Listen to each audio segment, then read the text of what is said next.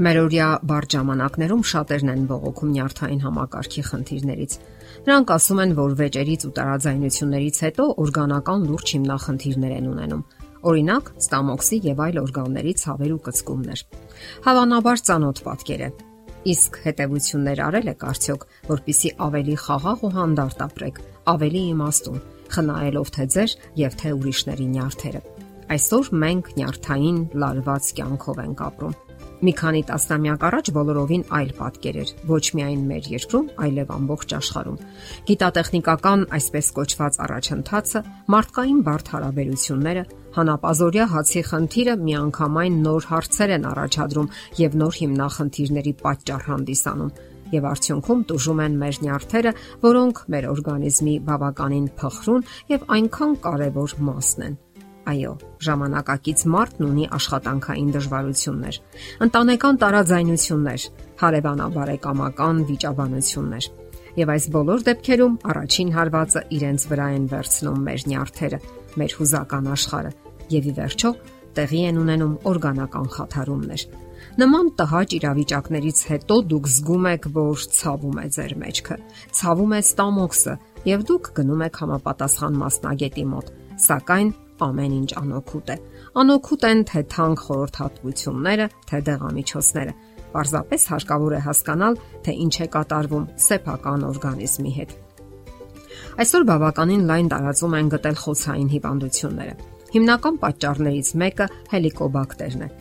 Սակայն ողջվում է, որ դեպքերի մեծ մասում բուժումները արդյունք չեն տալիս, որովհետև քրոնիկական սթրեսը նույնպես մեծ դեր ունի նմանօրինակ հիվանդությունների դեպքում։ Շատ հիվանդություններով այսօր զբաղվում են բժշկական հոգեբանները։ Նրանք բավականաչափ իրազեկ են եւ կարողանում են բացատրել, թե ինչ է տեղի ունենում մարդու հուզական նյարդային աշխարհում եւ ինչ հետևանքների կարող են հանգեցնել դրանց հետ կապված խնդիրները։ Նրանք հիմնավորում են, որ միշտ էլ գոյություն ունի սահմանման հիմնախնդիր, թե որտեղ է պատճառը եւ որտեղ է հետևանքը։ Այսինքն հիվանդությունն է ազդել մարդու հոգեբանության վրա, թե նրա հոգեբանական առանձնահատկություններն են հրահրել այս կամ այն հիվանդությունը։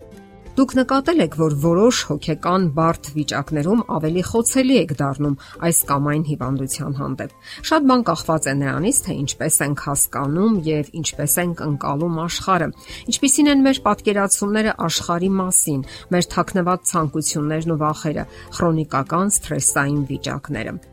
Գաղտնիք չէ, որ լարված վեճերից հետո բարձրանում է արյան ճնշումը։ Իսկ ինչու պետք է զարմացնի գլխի կամ մեջքի ցավը։ Չէ՞ որ սիրտանոթային համակարգը ամբողջովին կազմված է մկաններից, ինչպես եւ հենաշարժողական ապարատը։ Ստամոքսանոթային համակարգում նույնպես բավականաչափ զարգացած է մկանային շերտը։ Ահա թե ինչու այնքան տարածված են սթրեսային խոցերը։ Ինֆեկցիոն հիվանդությունները նույնպես առաջանում են այն ժամանակ, երբ մարդը հոգեկան, հուզական, թույլ իրավիճակներում է։ Նույնիսկ վնասվածքներն են տեղի ունենում այն ժամանակ, երբ քրոնիկական սթրեսի պահին թուլանում են հակազդեցությունները եւ պարզապես խախտվում է շարժումների կոորդինացիան, հավասարակշռության կարգավորումները։ Գոյություն ունի նաեւ հարցի հակառակ կողմը, երբ հոգեբանության տեսակետից յուրաքանչյուր երկարատև տարապող անznավորություն արդեն որոշակի շեղումներ է ունենում, եւ դա բնական է։ Եվ հնարավոր չէ միանշանակ պատասխանել, թե որն է ավելի շուտ եղել գրիպը, սուր վարակիչ շնչառական հիվանդությունները, ցանկացած ինֆեկցիոն հիվանդություն նյարդային համակարգի գլխավոր թշնամիներն են։ Հիվանդացին բացիլները, միկրոբները թունավորում են ողջ օրգանիզմը։